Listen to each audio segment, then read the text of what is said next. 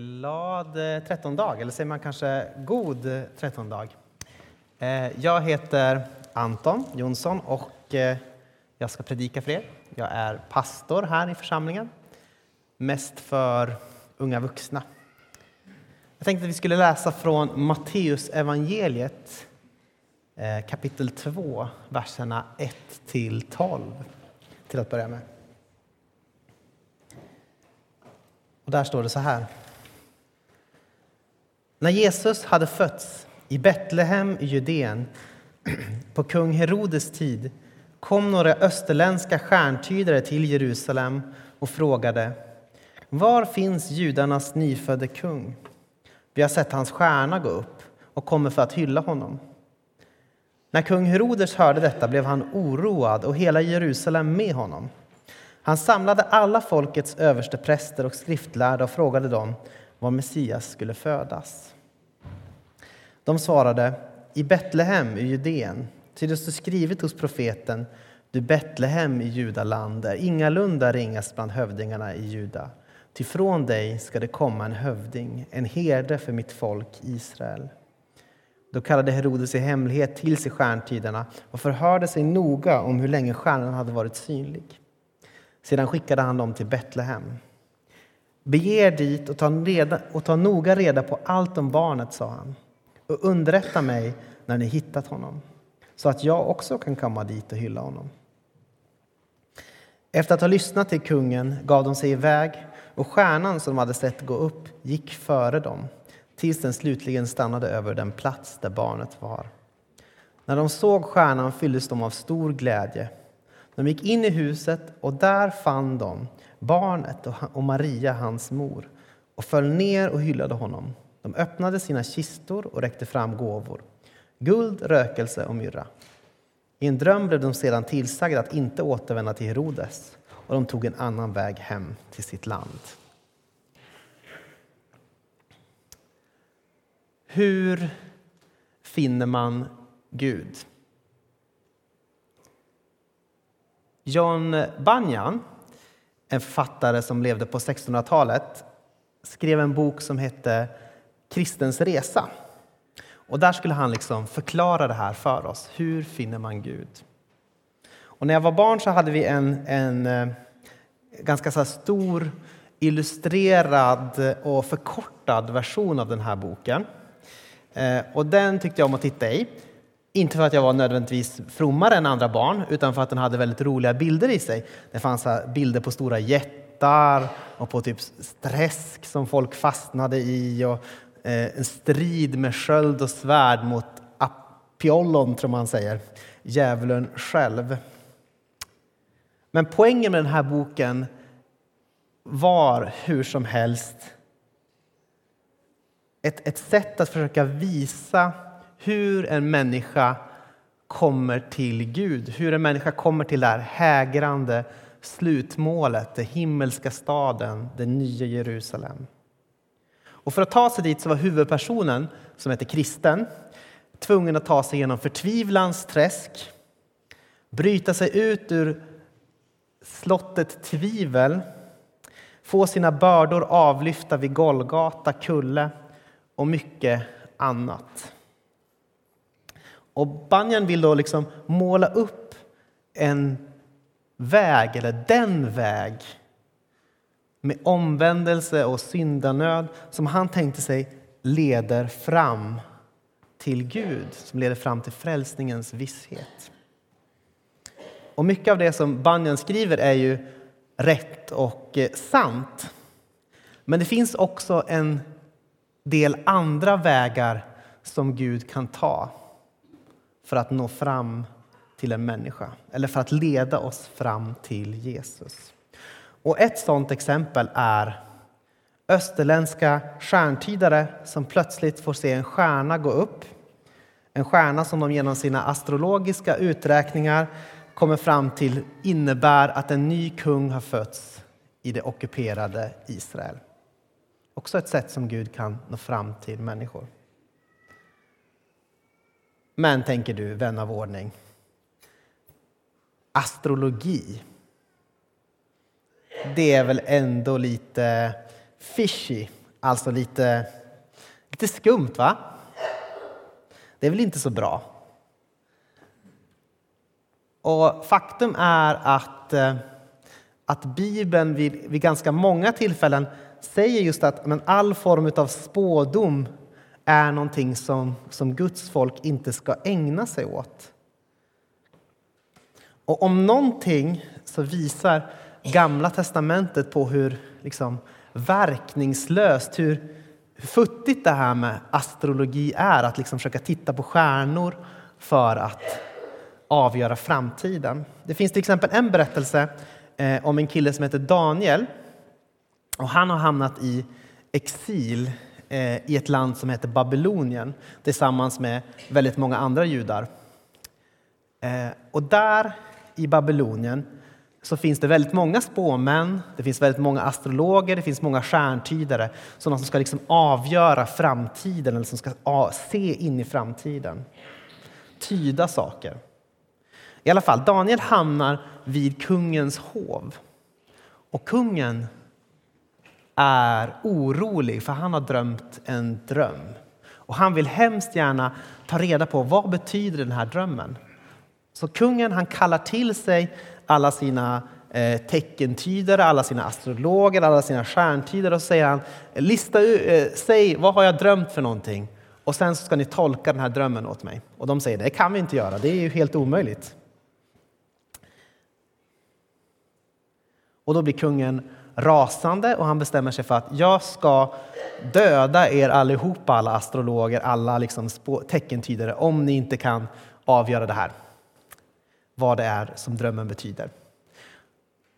Men då är det så att Daniel finns ju där vid hovet. Han har blivit satt där. Och han kan genom sin relation med Gud tolka, förstå den här drömmen. Det blir liksom uppenbarat för honom. Så han går till kungen, berättar vad kungen har drömt och vad, vad som är liksom betydelsen av det hela. Och på det sättet så, så liksom räddar han alla de här astrologerna faktiskt från att bli eh, avrättade. Och poängen i den här berättelsen är i alla fall så här att, ja men, att titta upp i stjärnorna, det är inte det som liksom kommer att rädda dig. Det enda som kommer rädda är att känna den levande guden. Det finns bara en som kan liksom veta framtiden och det är den som lever liksom utanför tiden, Gud själv. Han är den som känner tiden fullkomligt.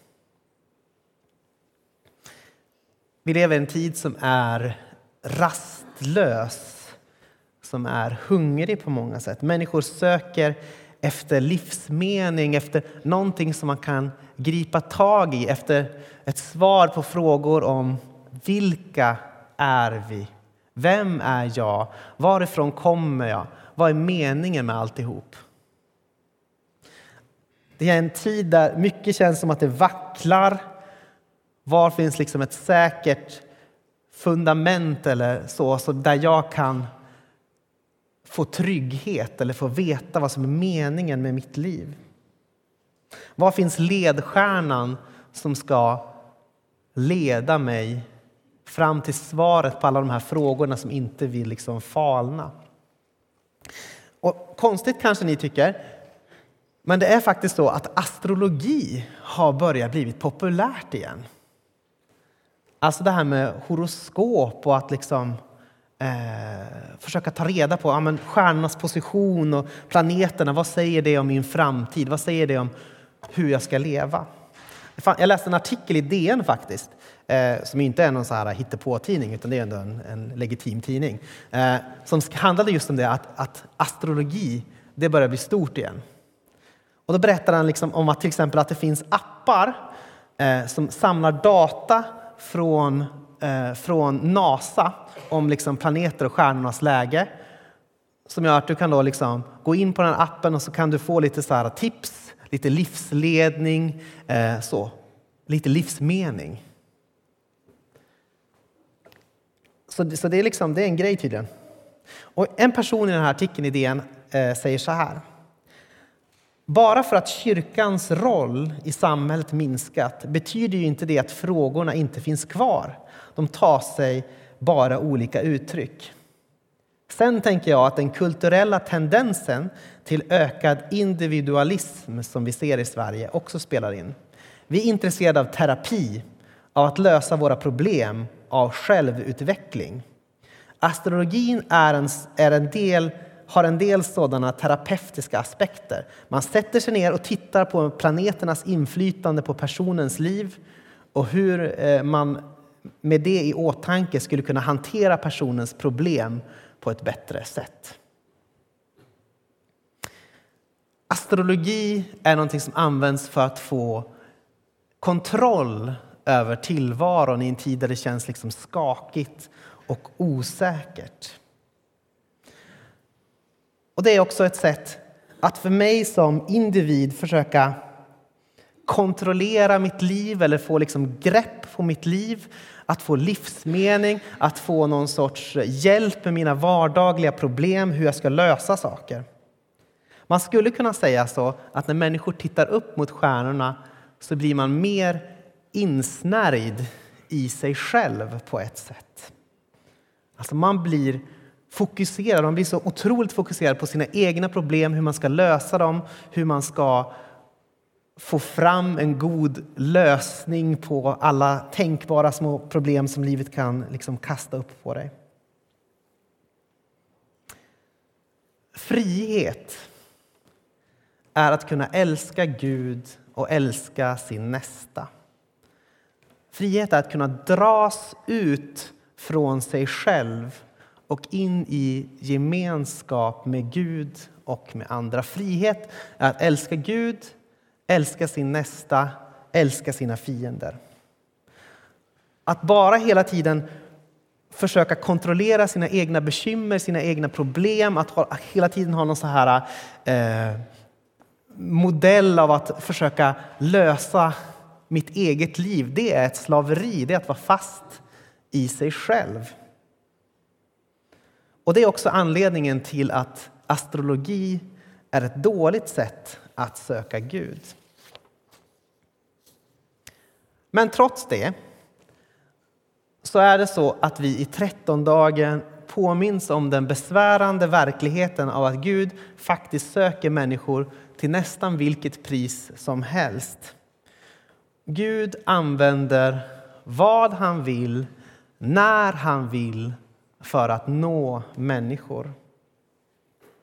Om det så är den här påhittade vetenskapen astrologi. Gud kommer att använda den för att dra människor till sig. Gud kommer använda vilka metoder han vill för att dra människor till Jesus för att de ska falla ner och tillbe. Från Mellanöstern så finns det mängder av berättelser om hur Gud möter människor i deras drömmar. Själv har jag träffat eh, åtminstone en muslim som har haft liksom en mystisk upplevelse av att man har mött Jesus när man hållit på med, med sufi-meditation. Alltså när man håller på att snurra runt så här. Eh, ni kanske har sett det i någon film någon gång. Så man har på sig en liten strut och så dansar man runt så här. Säger att men då mötte jag Jesus i en sån, i en sån liksom bön.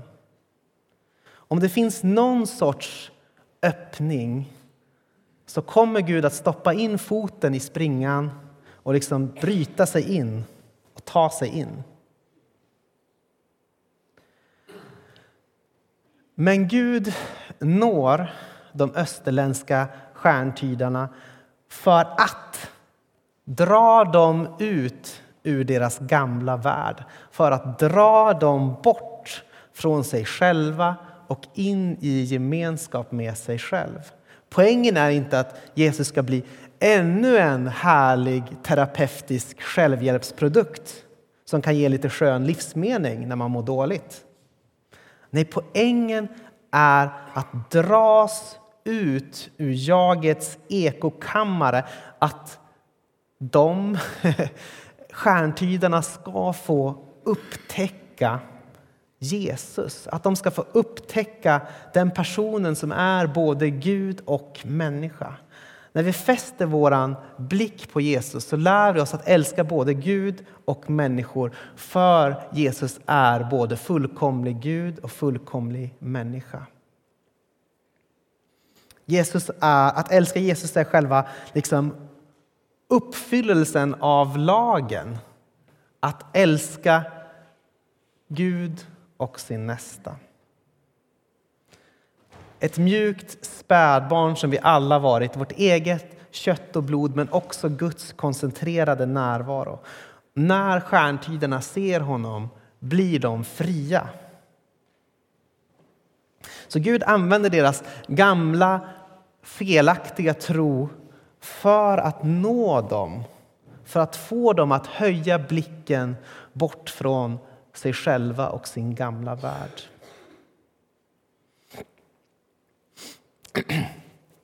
Det finns en, en aspekt som är lite mer oroande för oss i den här bibelberättelsen.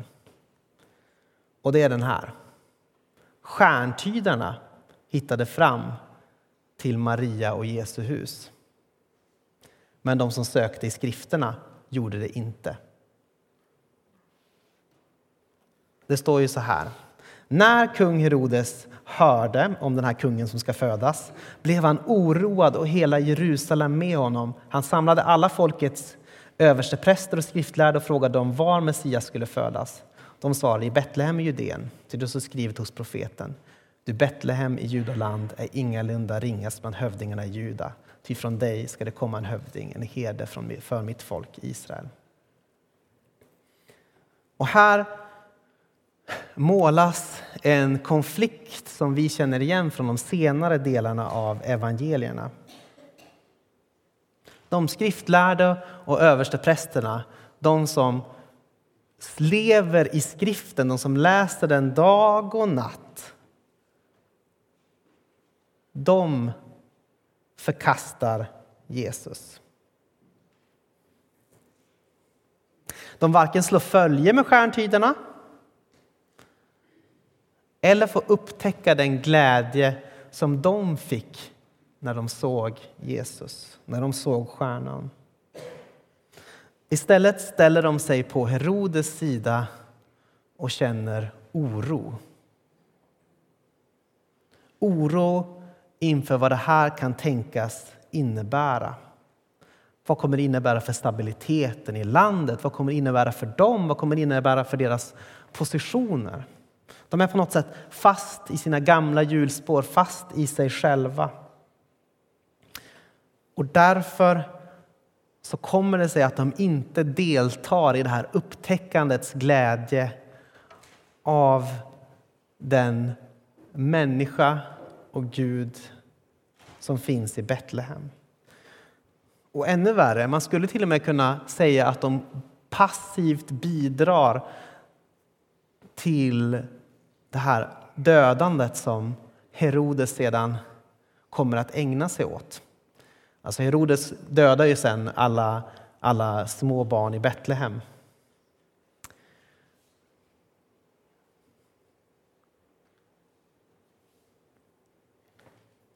Det kan faktiskt vara så att vi använder Bibeln inte som ett riktmärke som för oss mot Gud utan som en amulett för våra egna besvärjelser.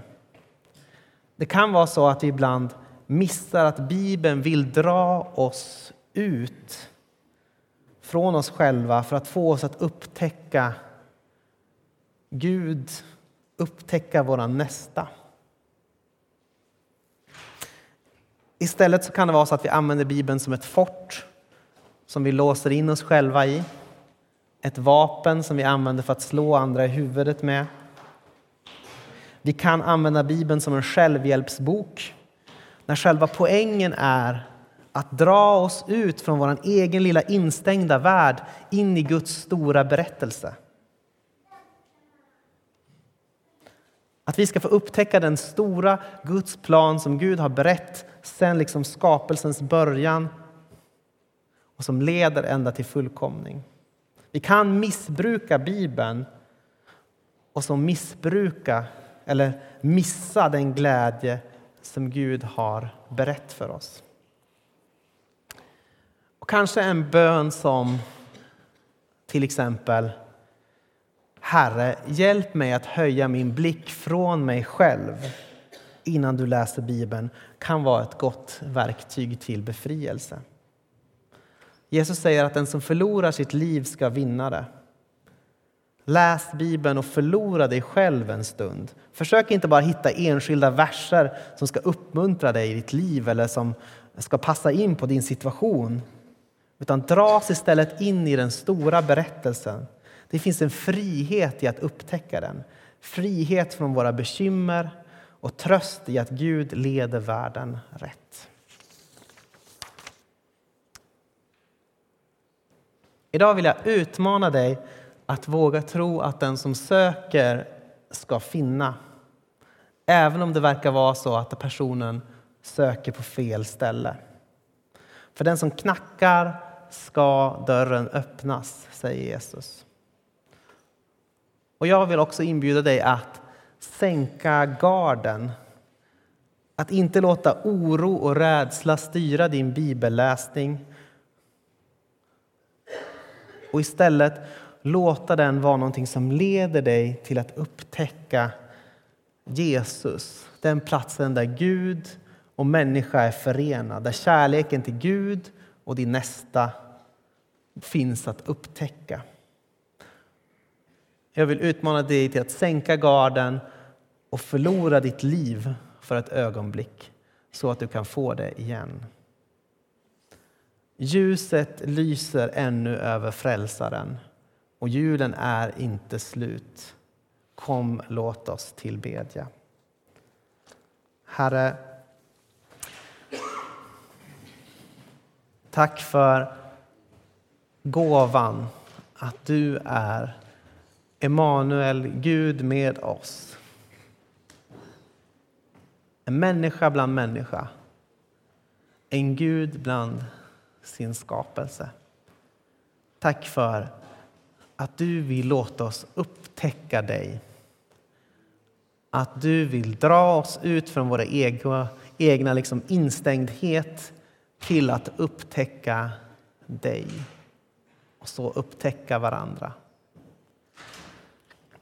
Gud, jag ber, var nära oss den här stunden. Amen.